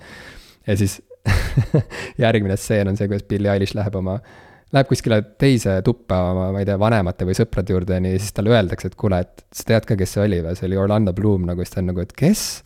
Ja siis talle näidatakse telefonist, et see tüüp, see seal Piraatide filmis, see tüüp nagu. ja siis ta saab aru nagu, et issand jumal see oli Orlando Bloom. aa, okei okay, nagu. ja siis ta nagu pärast näeb teda veel ja ja siis äh, kallistavad seal veel ja nii edasi, kõik on jube familiaarne nagu ja siis ta tuleb kaamera juurde, ütleb, et nüüd ma saan aru, kellega ma siin kallistasin et, et see on lihtsalt väga naljakas nagu, kuidas ta nagu sellele Orlando Bloomile ütleb ka, et oo, mingi, et ma ei tea, kaheteistaastane mina praegu lihtsalt sureks ära, kui ta saaks teada mm, -hmm. et nagu, et sihuke moment nagu tuli, et.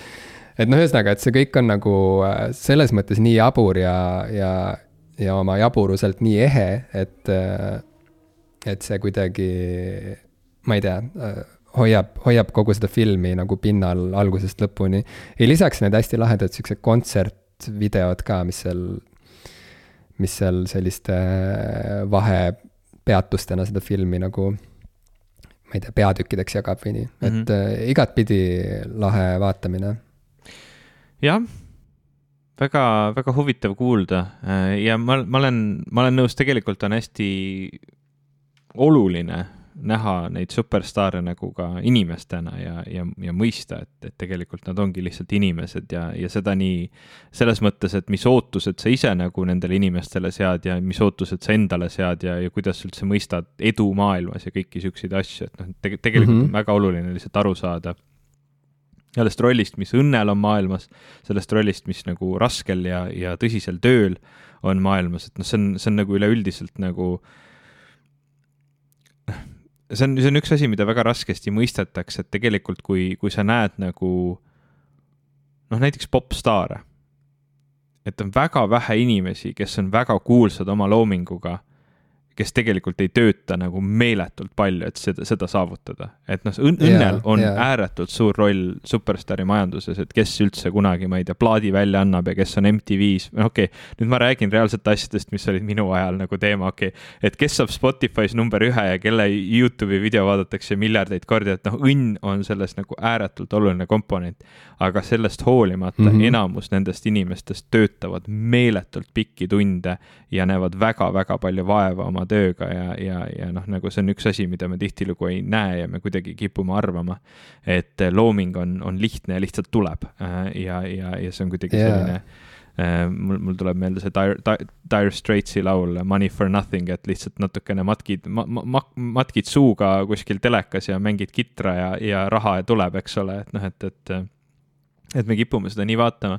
ja noh, muidugi teine selline väga hea asi, mida, milles, mida sa oma jutuga nagu ümber lükkasid, mida me kipume arvama, on see muidugi, et, et muusika saavutas oma tipu just siis, kui kui meie olime teismelised ja seda armastasime, et või noh, et, et see, see mm -hmm. muusika, mis oli meile teismepõlves kõige tähtsam, see oli siis, kui muusika oli saavutanud oma tipu, et noh, ilmselgelt. seda mõtlevad ma arvan, absoluutselt ja. kõik inimesed igast põlvkonnast. et nagu teist Nirvanat ei tule nagu never ever, et noh, sellist fenomeni ja. nagu ei saa lihtsalt enam olla.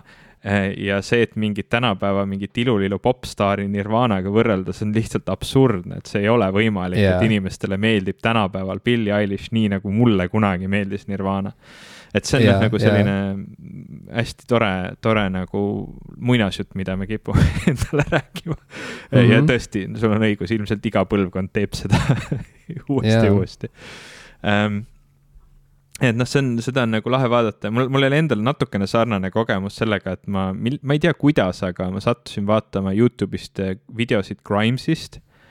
Mm -hmm. ja Grimes on väga veider inimene, noh nagu lihtsalt kõige paremas mõttes mm. -hmm tal on nagu väga lahe muusika, tal on väga lahe selline visuaalne keel oma videodes ja, ja kui ta räägib, noh, tõesti, ta räägib nagu.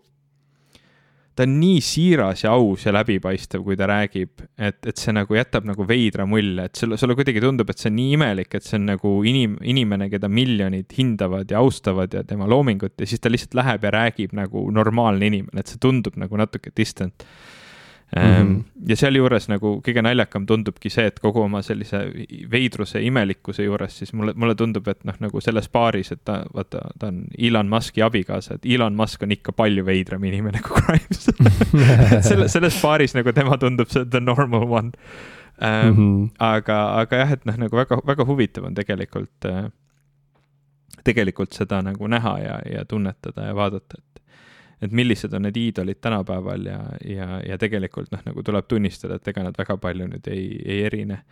Äh, ja, ja, ja kui, kui, kui tänapäeval võib-olla inimesed mõtlevad, et iidol, iidolid on nagu kehvemaks läinud ja on, on nagu halvemad eeskujud, siis kahjuks mulle tundub, et isegi nagu meie, meie, meie nooruspõlves äh, kui vaadata neid dokfilme nagu Nirvanast ja ma ei tea, veel, veel tagasi ajas minnes nagu ma ei tea, Guns N Roses ja Rolling Stones ja Jimi Hendrix ja nii edasi. kui vaadata neid dokfilme, siis mulle tundub, et meil ja, ja meie vanematel olid palju halvemad eeskujud kui, kui on tänapäeval. kusjuures jaa, absoluutselt, no jaa, et äh, Billie Eilish'i puhul, kuigi tal muusika ja, ja, ja lüürika on ju üsna hämarad ja sünged siis selle kõige juures see sihuke elujaatavus ja pigem noh, püüdlus kuidagi püsida terve ja, ja olla sihuke vastutustundlik ja hooliv, et see on midagi värskendavalt uut. kas või see, mismoodi, missugune paistab olevat tema peredünaamika ja ja kuidas just selle tõttu tundub, et võib-olla temast ei saa üks, üks järjekordne superstaar, kes väga noorelt siit ilmast lahkub lihtsalt Kevin mingisuguse üledoosi tagajärjel või mis iganes. mida? et temast ei saa järgmine Kevin McAllister, ma tegelikult tahtsin öelda Macaulay Culkin, aga jah, et, ähm, et see kõik on nagu väga lahe, lahedalt teistmoodi. noh, muidugi see, see kõik on minu tõlgendus sellest, mismoodi mulle näidati montaaži mm. tema äh, teekonnast ühe albumi valmistamisel loomulikult ma ju ei tunne teda nüüd tänu sellele ühele dokile, aga vähemalt jah, nende väheste noh, ma ei tea, nende väheste tundide äh, järgi otsustades, mis ma olen veetnud, ma ei tea, teda vaadates, et see, see kõik tundub nagu selles mõttes nagu teistsugune, kas või see, et ta ei joo ei suitseta, ta ütleb, et ta ei ole proovinud kunagi ühtegi narkootikumi, et see juba puhtalt on äh, midagi, mis tundub nagu arusaamatu ehm, ühesõnaga, jaa, noh, et ja, ja ta on väga noor, on ju, ta on praegu vist üheksateist või midagi sellist mm, -hmm. et äh, et kõik ju võib veel muutuda ja jõuab veel kõike teha ja nii edasi.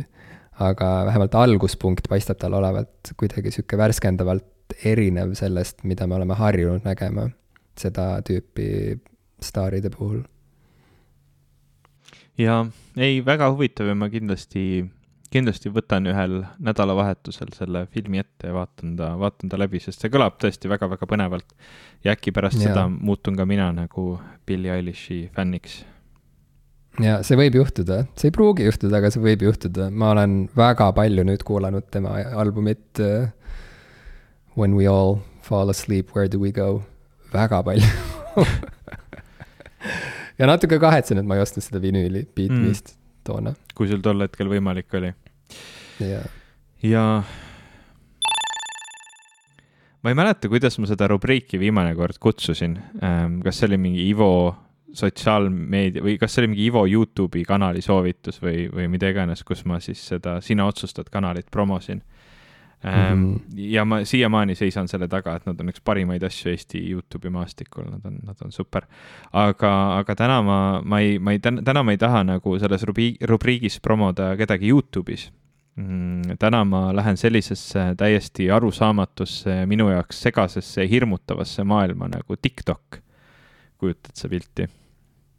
mul ei ole, mul ei ole tegelikult TikTok'i telefonis, sest ma ütlen ausalt, et pärast neid äh, nagu uudiseid, et, et äkki nagu äh, Hiina jälgib mind ja kõike, mis mu mhm. telefonis toimub. pärast seda, kui ma TikToki peale panen, ei ole julgenud ma TikToki telefoni panna. päris, päris aus olles, kui ma seda ühe korra elus proovisin, siis ma ei suutnud sealt leida mitte midagi, mida jälgida peale selle, et ma, ma nagu üritasin siukseid märksõnu otsida nagu ma ei tea, science ja technology ja noh, nagu on tüüpiline, kui ma uude sotsiaalvõrgustikku lähen. siis ain-, ainuke asi, mis ma sealt nagu leidsin, oli üks, ma ei tea, keemiaõpetaja kuskilt, ma ei tea, põhikoolist, äh, kes tegi lahedaid katseid. et see, see oli nagu ainuke asi, mis ma sealt suutsin leida. nii et mhm. ühesõnaga minu ja TikToki nagu äh, selline suhe või minu suhe TikTok on nagu suhteliselt arusaamatu ja ma tunnen, et vot siin on küll see põlvkondade vahe liiga kaugel, et, et see jääb juba, juba minust eemale. sellest hoolimata, kui teie olete inimene, kes kasutab TikTok'i ja, ja teile see meeldib, siis, siis mul on teile soovitus, keda te võiksite seal jälgida. see on, see on isegi selline soovitus, kus ma olen nagu kaalunud, et ma peaksin äkki sellepärast TikTok'i nagu alla laadima, aga, aga mul on teile, kes tegelikult ei taha, kes te ei taha TikTok'i alla laadida, ega selline soovitus, et TikTok'i saab vaadata läbi oma brauseri nagu arvutis. vähemalt neid kasutajaid seal. ja see kasutaja, keda ma tahan teile ähm, soovitada, on üks Tartu Ülikooli äh, meditsiinitudeng äh, nimega äh, Orina Jakovleva, kes on kasutaja nime all Oorea küpsis oorea.küpsis nagu küpsis Y-ga. ja ta on täiesti geniaalne inimene. Mm, ta oma nii-öelda TikTokis siis noh, räägib nii sellest, et mis tunne on olla, eks ole, meditsiinitudeng, mis on iseenesest juba väga huvitav. aga see viis, kuidas ta räägib koroonaviirusest ja, ja, ja räägib nendest vajalikest meetmetest, sellest, mis toimub haiglates, sellest, kuidas see mõjutab meditsiinitudengeid ja meditsiinitöötajaid. see on täiesti suurepärane väga selge, ta, ta on ääretult hea kommunikaator. Ja mul on niisugune tunne, et ta oskab nagu suurepäraselt kasutada selle TikToki platvormi eripärasid, mida mina isegi ei mõista. Ähm, et, et neid nagu pointe nagu inimestele kohale viia ja ta on, ta on väga kiiresti saanud omale juba, ma ei tea, üle kaheteist tuhande jälgija ja, ja tõesti on väärt vaatamine ja on väärt, väärt nagu kuulata tema postitusi. Mm see kõlab väga huvitavalt. mu kuueaastane tütar on otsustanud, et temast saab Tiktoki äh, noh, ma ei tea, kas staar just, aga igal juhul keegi, kellele tuleb tähelepanu pöörata mm. TikTokis mm. nüüd tulevikus. no tal on potentsiaali ja..., ma, ma mäletan juba mitu aastat tagasi me tegime temaga ühte Youtube'i videot koos vist kuskil. Äh, mulle meenub. ja, ja no suuresti tänu temale me oleme üldse jõudnud nii kaugele, kui me oleme jõudnud sinuga, sest et ta on ühtlasi ka popkulturistide peaprodutsent, kes veel ei teadnud. et jaa, et äh, värisevate kätega tegime talle selle konto ja, ja seda Hiina teemat ma olen ka natukene uurinud ja ma saan aru, milles need hirmud seisnevad, aga samas mul on ükskõik. ma olen seda tüüpi inimene, kes ka ei kata oma veebikaameraid kinni. ai, sellest on mul täitsa savi. mul on sihuke tunne, et nagu mu elu ei ole nii skandaalselt huvitav, et nüüd äh, kui keegi mind jälgib siin arvuti taga mm. istumas, et siis, siis sellega saab mu elu hiljem ära rikkuda. võib-olla ma eksin ja kümne aasta pärast mu elu on rikutud, sest et mul ei olnud kinni teibitud veebikaamerat. Aga, aga mul on ükskõik, ma olen Hiinas käinud ja mulle väga meeldis seal, nii et kui miski saab mind lähendada Hiinaga veel, siis ma pigem kasutan neid võimalusi täiesti mitte vastuoluline arvamusavaldus Jimmy poolt ja võite, võite mind tsiteerida igal pool. aga jälgige Oreo küpsist äh, Tiktokis ja muidugi jälgige ka siis äh, meie peaprodutsenti Tiktokis, et, et maailm yeah. oleks tasakaalus. Aga mina hakkan nüüd rändima ja seda saavad kuulda kõik, kes meid Patreonis toetavad ja jälgivad. Ähm, nii et patreon.com kaldkriips popkulturistid on koht, kus me Räntime. alati avaldame siis ka lisasaateid nüüd, kui pinge on maas ja vahel rändime ja vahel mitte. Ehm, aga jaa, et kui on huvi, siis kohtume järelsaates nüüd, kui pinge on maas. Patreon.com kaldkriips popkulturistid, aga kes siinkohal äh, lähevad mujale muid asju tegema, siis teile aitäh kuulamast taas kord ähm, kuu aega jäi nüüd vahet sisse eelmisest saatest ja vaatame, meil Ivoga siiamaani vaikselt alles loksub paika see uus elurutiin kolimise ja, ja lapse sünniga seoses, kusjuures